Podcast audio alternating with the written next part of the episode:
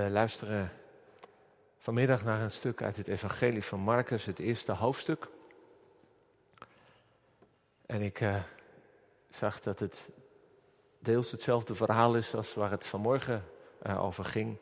De roeping van de eerste leerlingen, maar daar is het dan, was uit een andere evangelie, heeft het weer een hele andere insteek. En dan eerst denk je van, oh nee, ik had beter iets anders kunnen kiezen.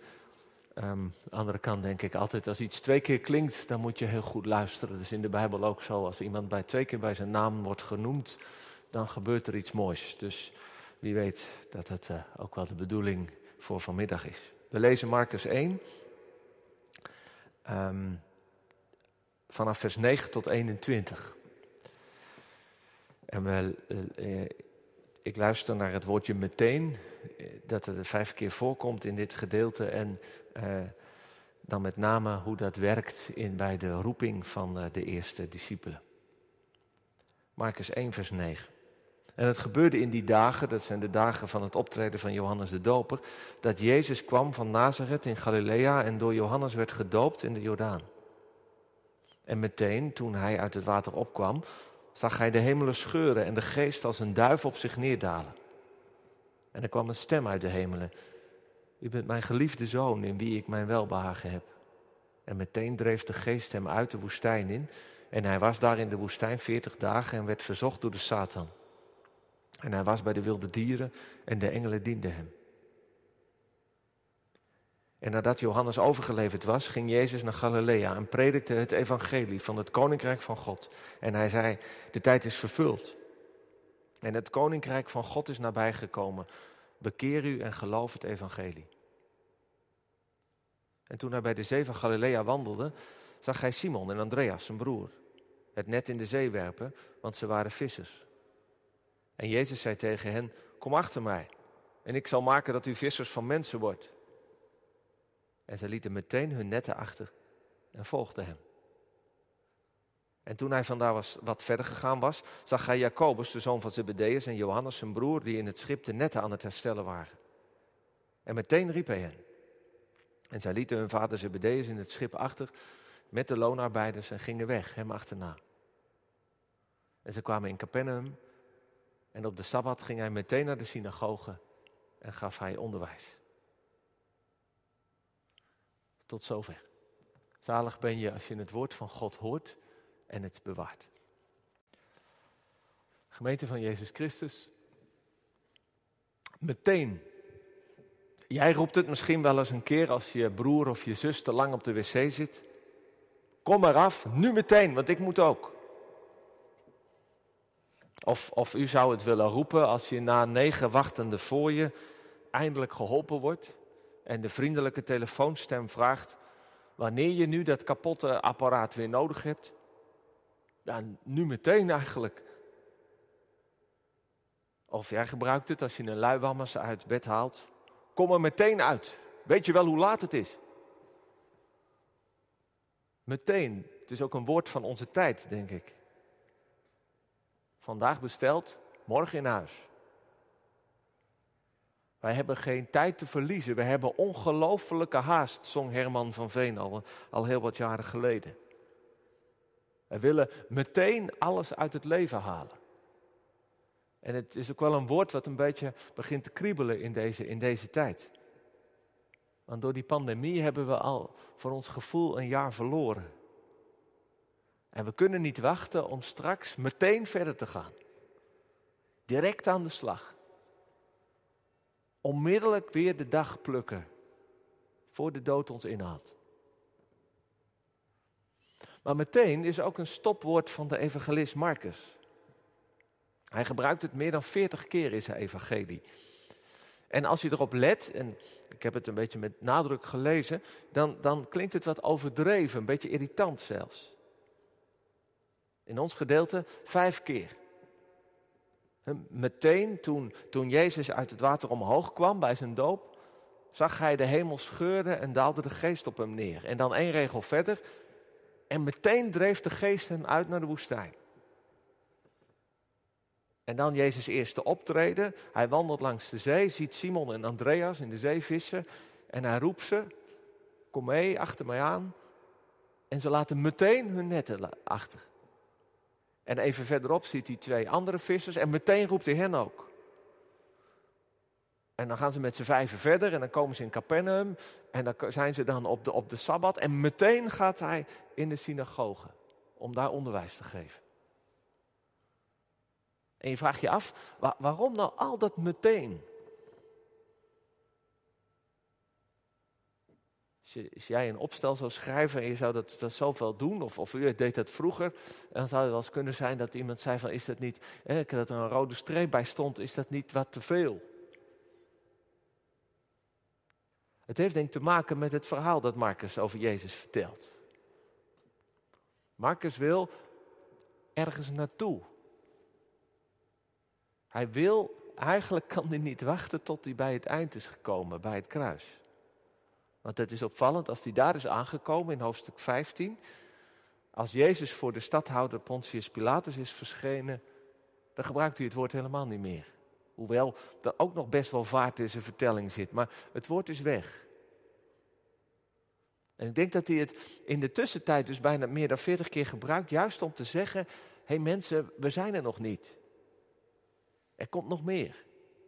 Wil je Jezus kennen, die hoofdpersoon van mijn verhaal, dan, dan, dan moet je de hele weg die hij gaat volgen, totdat je hem ziet hangen aan het kruis. En pas dan zul je echt begrijpen wie hij is. Zul je echt weten wat het betekent dat hij de zoon van God is. Dus dat is het eerste. Het is een manier van vertellen van Marcus. Maar het andere is dat het ook te maken heeft met het feit dat, dat Jezus dringend is. Urgent. Als hij komt, dan gaat er direct iets gebeuren. Dan moet er ook meteen wat, wat gaan gebeuren. Jezus is dringend. De zaak van Jezus is urgent. En dat horen we al in de samenvatting van Jezus' boodschap. Hè? Vers 14 en 15 is een soort van samenvatting van wat is nu de kern van wat Jezus kwam, kwam doen en verkondigen. Hij had evangelie. Wij denken dan heel sterk dat is iets, iets religieus, iets van de kerk, van preken. Nee, evangelie is, is nieuws. Dat is eigenlijk een soort van wat wij vandaag breaking news noemen.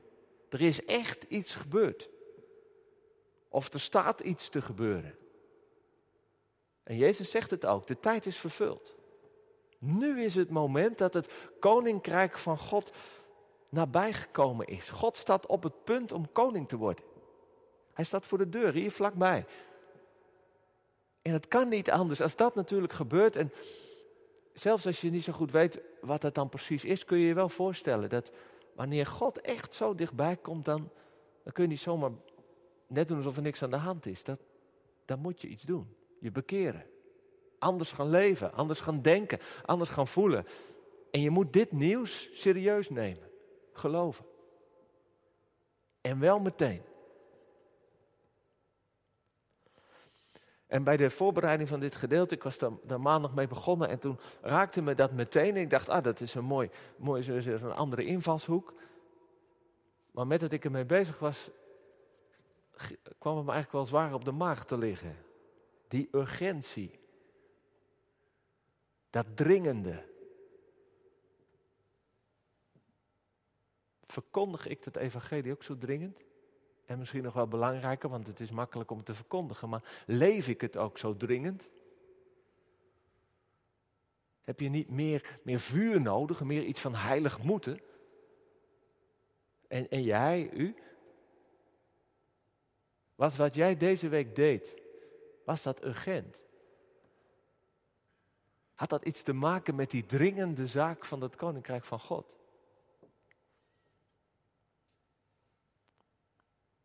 Dus ik zat er wat mee in mijn maag en toen dacht ik, maar kijk nu eens even wat er deze week gebeurd is. Een gesprek met iemand over of je wel uitverkoren bent. En uiteindelijk dus of het wel goed komt met je. Dat is dringend. Iemand die vertelde waarom je, ondanks en met heel veel vragen en twijfels in je leven, toch kiest om te geloven en te blijven geloven. Dat is dus urgent voor iemand. Dat je niet maar wat gaat, maar wat loslaat en kijkt wat er van gebeurt, maar dat je werkelijk ervoor kiest om erbij te blijven. Wij hadden een Bijbelklas, dat is Bijbellezen met mensen, uh, veel, veel al van, van, van, buiten, van buiten de kerk, online. En het ging over Zacchaeus, die ook al zo'n urgente ontmoeting met Jezus heeft. En toen zei iemand, ja, dat, daar herken ik wel iets van. Dat er van die momenten zijn in mijn leven dat, dat je opeens wordt stilgezet. En dat je weet, nu moet het anders. Ja, dat is ook urgent. Of een paar gemeenteleden die, uh, die zeiden, kom, we moeten bij elkaar komen, want we, het gaat niet helemaal goed met, met de ontmoeting met elkaar. Laat, waarom kunnen we niet gewoon wat online gebedsmomenten organiseren? Ja, blijkbaar mensen die dat zo urgent vinden, dat de kerk niet alleen doorgaat met de diensten, maar dat we ook werkelijk zoeken naar manieren om elkaar te bemoedigen en vast te houden, voor elkaar te bidden. Of nog weer iets anders, een kraamvisite. Opeens is er een kind in je leven. En een kind is altijd in zekere zin dringend. Vraagt om, om aandacht en zorg en liefde. Maar ik merkte ook, opeens is daar de vraag van waar, waar, ja, waar, waar leef je voor? Wat wil je doorgeven? En dus ik dacht dus van soms moet je ook even gewoon een stap terug doen. En heel goed kijken naar wat er gebeurt. En je laten verrassen door wat God doet. En ook opeens weer dankbaar weten, ja maar, ook al voelen wij soms wel dat we wat een kerkje spelen zijn. En dat het allemaal niet zo, zo, zo, zo werkelijk met power is als in het evangelie. We zijn nog wel nog steeds het lichaam van Christus. En in een gewone kerk als de onze gaat hij verder. En waar hij komt gebeurt altijd iets dringends, iets urgents. Maar wel in het gewone leven. En dat merken we ook bij de roeping van die eerste vier uh, leerlingen van Jezus. Ze zijn vissers en ze zijn aan het werk. Bij en in het meer van Galilea. Simon en Andreas, vertelt Marcus, die werpen hun net, net in het water. En Johannes en Jacobus die zitten in de boot, waarschijnlijk na, nadat ze in de nachten uh, uh, gevist hebben. En die zijn bezig om de netten weer in orde te maken. Ze zijn dus gewoon aan het werk. En Jezus die gaat niet eerst naar de synagoge, die gaat ook niet eerst op zoek naar een aantal theologen om die zaak van het koninkrijk van God te bespreken. Nee, hij, hij wandelt langs het water en dan ziet hij mensen, ik stel me zo voor, maandagmorgen, echt zo'n zo, zo'n werkdag. En dan, dan ziet hij ze.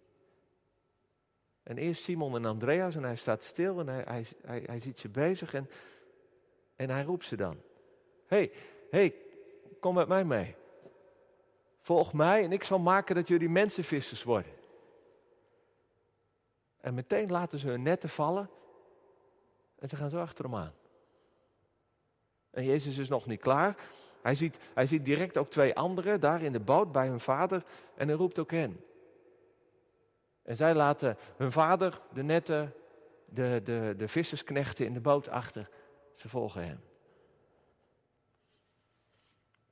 Het is fascinerend wat daar gebeurt. Dat ze zo meteen en zo radicaal reageren op Jezus' roeping. Je werk, je familie, je spullen achter je laten. Dat zou ik niet kunnen.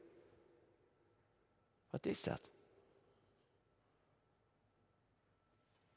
Heeft het er iets mee te maken dat Jezus hen zag? Want dat staat er twee keer, hè? Dat Jezus die, die mannen of die, die, die, die jonge kerels ziet werken. Dat kennen we denk ik allemaal. Als iemand je echt ziet, dan gebeurt er altijd iets. En dan is het Jezus die hen zag. Jezus die, die je tot op de bodem kent. En Jezus die ook die urgentie en die dringende liefde van God uitstraalt. Opeens staat daar het koninkrijk van God bij je voor de deur. God. Die je ziet, die je kent. En opeens opent zich daar ook iets anders. Een nieuwe wereld. Anders leven. En dan kom, ga mee. Volg mij.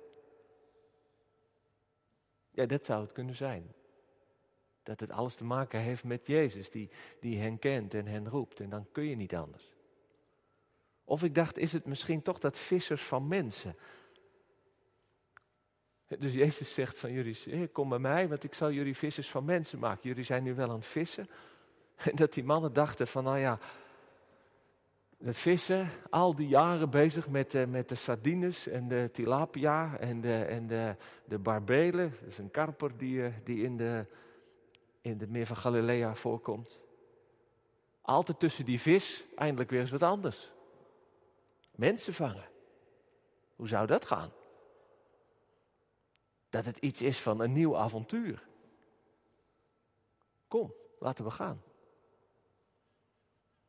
Ja, dit is sowieso een beetje een vreemde uitdrukking, hè? mensen vissen. Wat bedoelt Jezus? Verder komen we die uitdrukking eigenlijk niet tegen in de, in de, in de Bijbel. Ik denk dat het echt met de situatie te maken heeft. Jezus die, die ziet daar Simon en zijn, en zijn kornuiten ziet die, ziet die bezig. Die zijn aan het vissen in de zee. En blijkbaar denkt hij aan de mensen in de zee. Misschien wel aan de mensen met wie hij een tijdje terug in de Jordaan was ondergedompeld. Mensen liggen in de zee. Die heeft altijd, de zee heeft in de Bijbel altijd een beetje dreigende klank. De dood. Dat is het kwaad. Dat leven kapot wil maken. Dat is duisternis. En anders dan vissen in de zee horen mensen daar natuurlijk niet. Als wij in de zee blijven, dan verdrinken we. Dan gaan we verloren. De een sneller dan de ander. Maar wij hebben er geen leven. En Jezus denkt, ja, wie, wie zal ze eruit halen? Het is mijn roeping om de mensen te redden uit die zee van, van, van, van, van kwaad en machten die, die, die mensen bij het leven vandaan halen. En dan ziet die vissers, nou ja, die weten in ieder geval hoe ze vissen uit de zee kunnen halen. Dus kan hij ze ook wel leren om mensen op te vissen. Hé hey, jullie daar, kom, kom met mij mee. En ik zal jullie vissers van mensen maken. En ja, daar komen ze. Zonder boot, zonder netten, zonder hengel. Ze gaan beginnen aan dat nieuwe visavontuur van Jezus. Wij denken met, denk ik bij dat mensen vissen vaak aan evangeliseren. Of als dat dan negatief wordt gezegd, hè, zieltjes winnen. Mensen vangen, dat is zoiets van, eigenlijk hebben ze er helemaal geen zin in, maar wij trekken ze toch binnen in de kerk, bij God. Nu, evangeliseren hoort erbij. Het evangelie aan anderen vertellen, dat, dat, dat is zo de boodschap dat het koninkrijk van God voor de deur staat en dat het anders leven en geloof vraagt. Maar als we verder zouden lezen wat die, wat die mensenvissers gaan doen, is het ook genezen. Ze worden naar de mensen gezonden met de kracht van de Heilige Geest. Om het evangelie te verkondigen, maar ook om zieken beter te maken. Om mensen die in de greep zijn van het kwaad te bevrijden. Dus mensen redden uit die zee. En niet alleen hun ziel, maar ook een hele bestaan. Nou, zo komt Jezus dus langs. Heel gewoon, zoals, zoals op die, die morgen bij uh, Petrus en uh, Simon en Andreas en Jacobus en Johannes. En zo komt hij volgens mij nog steeds langs. Hij ziet jou bijvoorbeeld aan het werk op je afdeling mensen aan het verzorgen, of behandelen of verplegen. En hij roept opeens: Kom achter mij. En ik zal maken dat je een genezer, een echte genezer van mensen wordt. En hij verschijnt bij jou in je kamer terwijl je zit te gamen. En hij ziet je en hij zegt: uh, Kom mee. Ik zal jou leren om het game van God te spelen. In de echte wereld. En hij wandelt bij jou over je kantoor waar je achter een scherm geld zit te verdienen. En hij zegt, kom, ik zal van jou een, een verdiener van mensen maken. Of, of hij loopt met zijn mandje in de supermarkt en hij ziet je vakken vullen. En even kijkt hij je aan en dan wenkt hij. Hé, hey, er is zoveel meer te vullen in deze wereld, kom. Of hij wandelt langs uw raam en daar zit u stil, alleen op de bank.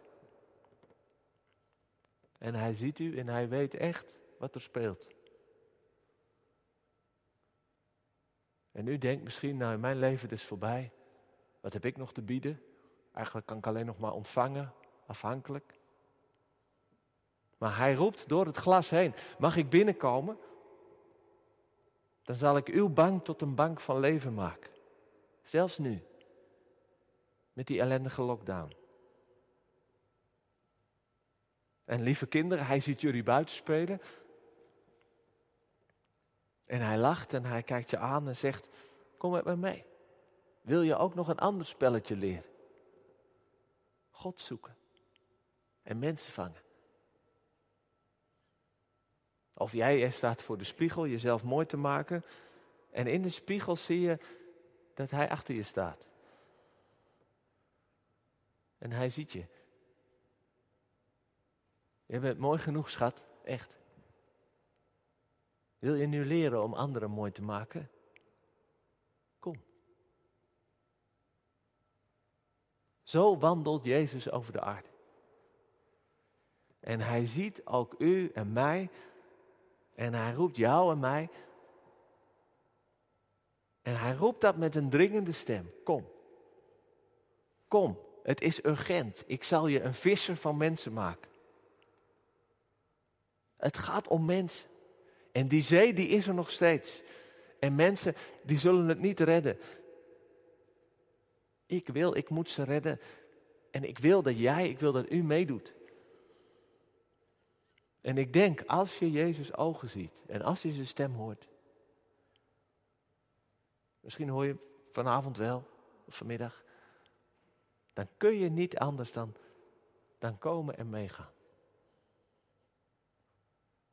En sommigen die laten dan hun hele oude leven achter, net als die eerste vier. En ze gaan werkelijk een nieuw avontuur beginnen. Die mensen zijn er altijd geweest in het christendom. En God zij dank zullen ze er ook altijd zijn.